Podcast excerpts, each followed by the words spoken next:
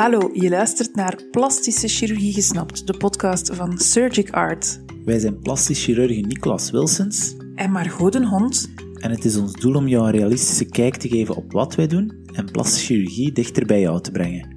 Ikzelf ben Nicolas, ik werk in het Sint-Trudo ziekenhuis en in de Essence praktijk, beide gevestigd in Sint-Truiden. En ik ben Margot, ik werk in het ziekenhuis Oost-Limburg in Genk, Lanaken en Mazeik. Je kan ons vinden op Instagram en op Facebook onder de naam @artinsurgery, telkens met een puntje tussen, of op onze website www.plastischechirurgielimburg.be in één woord.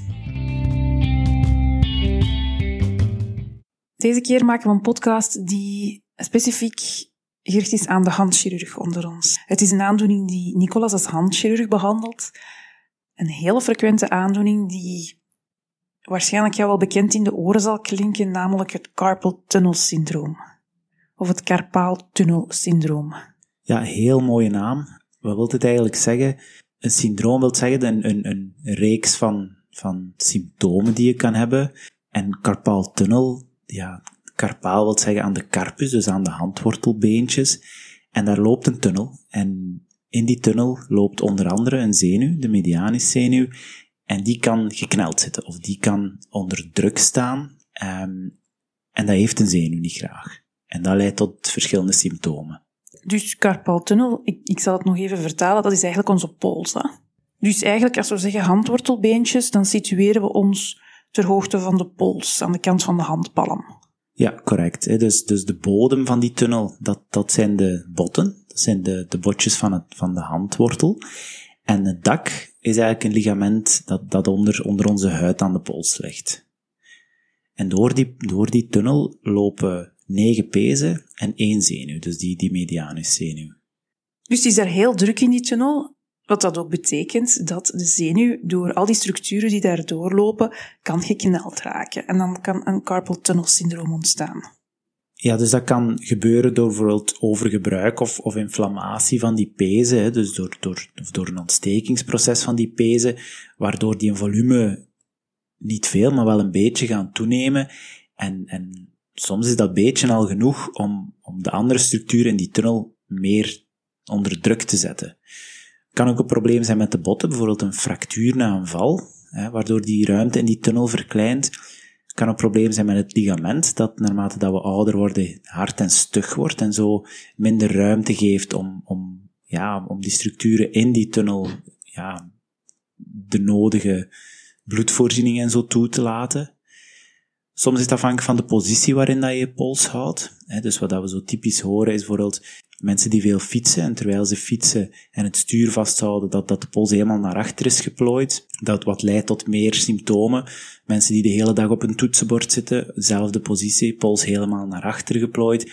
Ehm, en, en fysisch, als, als we daar een doorsnede van die pols gaan maken, in die positie dan, dan verkleint eigenlijk de diameter. Dus voor, voor hetzelfde aantal structuren dat daar doorloopt, is er eigenlijk minder ruimte beschikbaar.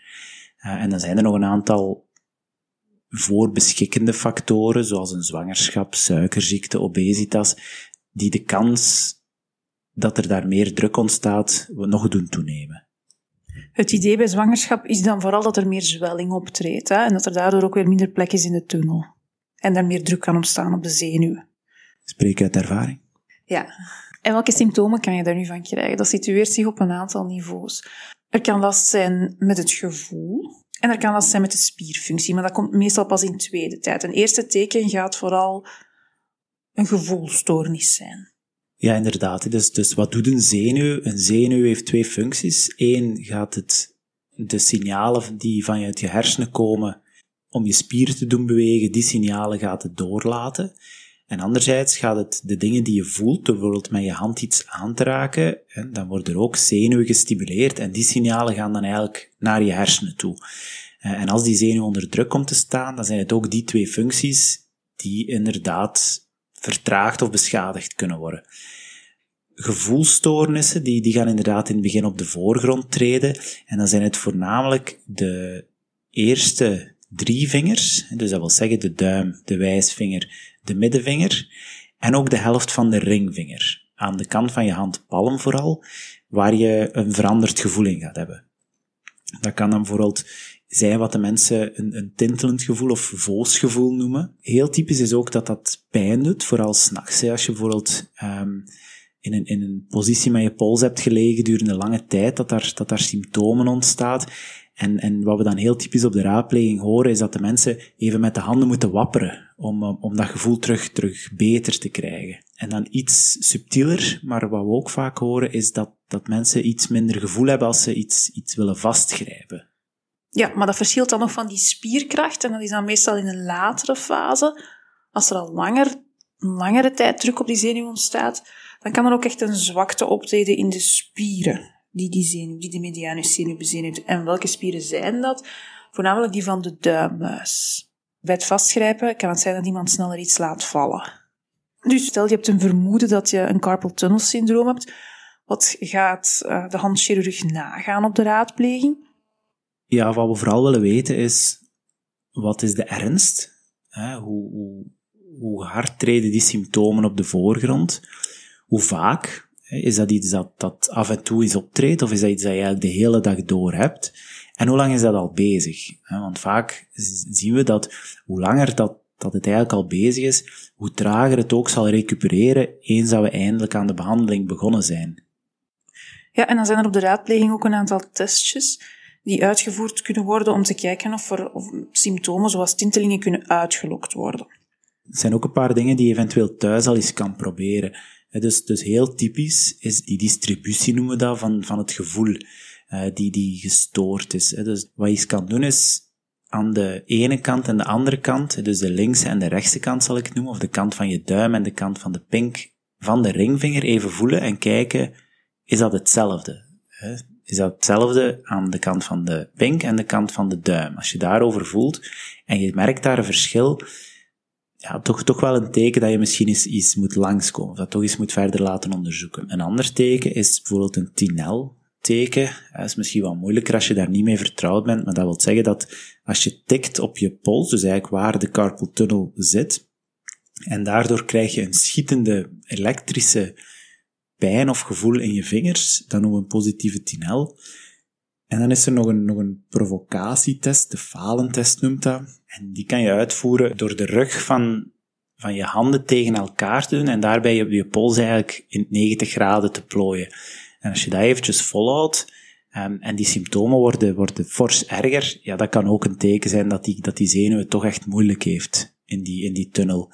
En het, het is een klinische diagnose, dus dat wil zeggen dat we eigenlijk om de diagnose te stellen geen extra tests nodig hebben, maar we doen het vaak wel. En, en een van de redenen is dat we door middel van die tests toch soms een idee krijgen hoe erg het is. Um, en soms ook een inschatting kunnen maken, is het iets dat na behandeling nog volledig gaat recupereren of niet? Moeten we altijd rekening houden met, met een of ander restsymptoom. En daarmee wil ik niet zeggen dat, dat je het dan niet meer moet laten behandelen, want sowieso voorkom je wel altijd erger. Ook al zit je over die bepaalde waarde waarmee dat we weten, oké, het gaat nooit meer 100% recupereren. Het wordt wel altijd aangeraden om nog te laten behandelen, omdat je natuurlijk erger voorkomt. Die zenuw gaat alleen maar erger en erger anders onder druk komen te staan. En die motorische symptomen, dus die zwakte van die spieren, en uiteindelijk zelfs het, het ja, verdwijnen bijna van die spieren, ja, dat kan je dan misschien wel nog voorkomen. Stel, er is een carpal tunnel syndroom vastgesteld. Hoe gaat dan de behandeling verlopen?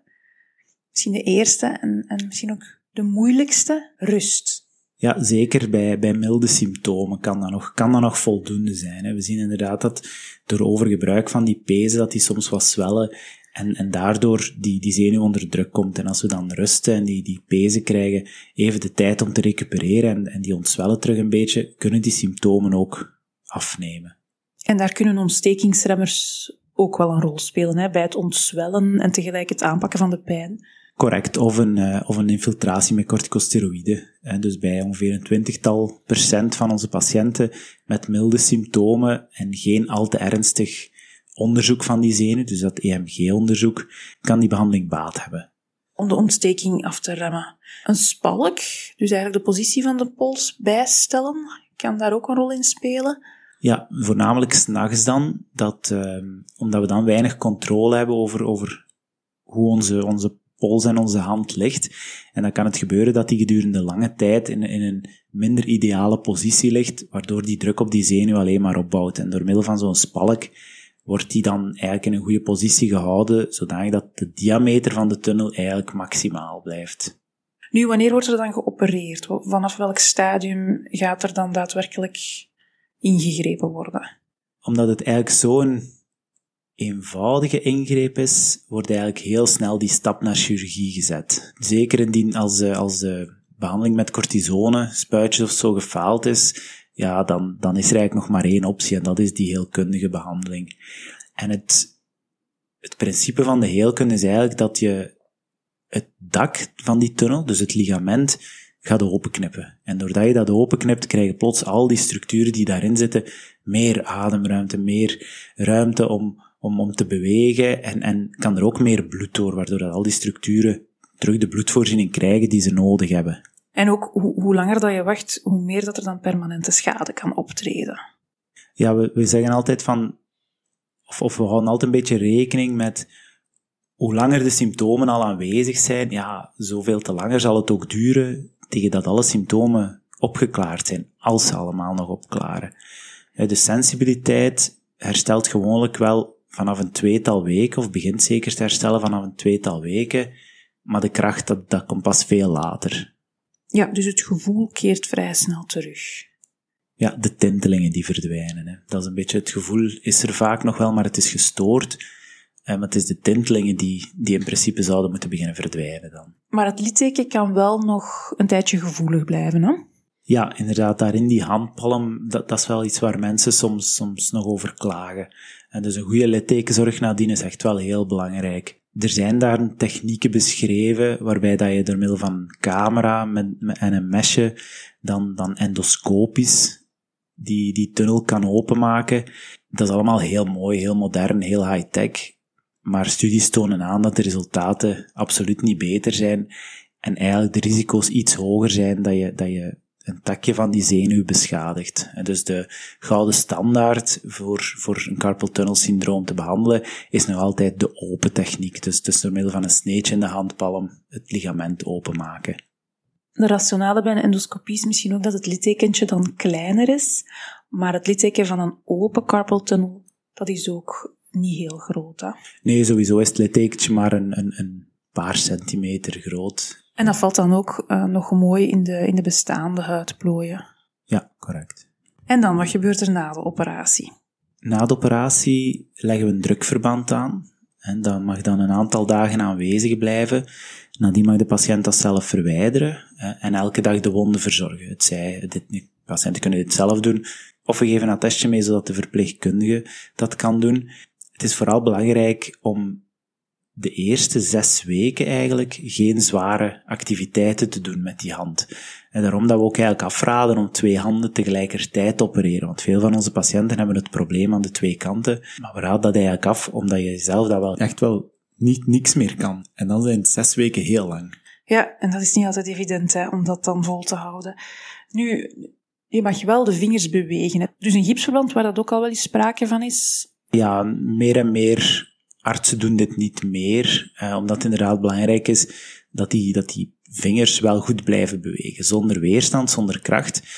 Maar ze moeten wel goed blijven bewegen, zodanig dat ze in die tunnel eigenlijk mooi blijven glijden. Want als die daar een paar weken vast gaan zitten, ondertussen is zich daar een litteken aan het vormen, want daar is geopereerd geweest. En het laatste wat je wil is dat die, dat die pezen vast komen te zitten in dat littekentje. Dus het is wel belangrijk dat die, dat die goed blijven bewegen ondertussen. Sowieso die, zien we de mensen ook terug na een tweetal weken, om te kijken, gaat alles goed, zijn er wondproblemen, beginnen die symptomen al wat op te klaren. Draadjes hoeven meestal niet verwijderd te worden, omdat we gebruik maken van, van oplosbare draadjes. Uh, maar het kan wel zijn als ze loszitten op de consultatie, dat we wel eens even proberen of we ze toch niet kunnen verwijderen. Zodanig dat we vroeger kunnen starten met de littekenzorg. Oké, duidelijk. Nu, wat kan er mislopen bij zo'n operatie? Wel, het is en blijft een operatie. En, en, aan elke operatie zijn inderdaad mogelijke risico's. Er kan een bloeding optreden. Dat is, dat is nooit levensbedreigend, maar wel vervelend. Want de reden dat je de operatie doet, is natuurlijk om meer ruimte te creëren in die tunnel. En als je na de operatie daar een bloeding krijgt, kan het net gebeuren dat die bloeding ook een plaats inneemt. En, en als je lichaam dat, dat minder goed absorbeert, kan je met, met gelijkaardige klachten achterblijven na zo'n ingreep. En dat is natuurlijk het laatste wat je wil. Dus een belangrijke reden om het rustig aan te doen na de operatie en de arm ook in hoogstand te plaatsen of iets hoger te houden, zodanig dat, er, dat de zwelling ook, ook meer beperkt blijft. Ja, correct. Nu, blijvende klachten kan sowieso optreden. En dat kan dan inderdaad in kader van zwelling zijn. Kan ook gebeuren soms dat, dat een deel van het ligamentje onvoldoende is losgemaakt. En als er nog maar één kleine streng overblijft, dat kan soms al voldoende zijn om, om die druk gewoon te behouden. Uh, dan over een kleinere zone, maar dan nog de druk blijft er. En dat kan die signalen in de zenuw nog altijd verstoren. Dus het kan gebeuren dat er een, uh, dat er een heroperatie nodig is. Bij blijvende klachten wordt dat meestal geadviseerd. En dan is er natuurlijk nog het risico op infectie, uh, zoals, zoals bij elk wondje, waar dan soms wel langer wondzorg nodig is of antibioticatherapie nodig is. En het litteken dat, dat wat gevoelig kan blijven, daar hebben we het er net ook al over gehad. Oké, super. Dankjewel aan onze handchirurg voor deze klaar en duidelijke uitleg. Dat gaan we misschien nog eens doen hè, met een aantal andere aandoeningen van de hand. Ja, of omgekeerd, met een aantal aandoeningen van, van het hoofd-halsgebied. Ik vind dit wel een leuke format. We hebben nog heel veel om over te praten. nog heel veel zondagavonden.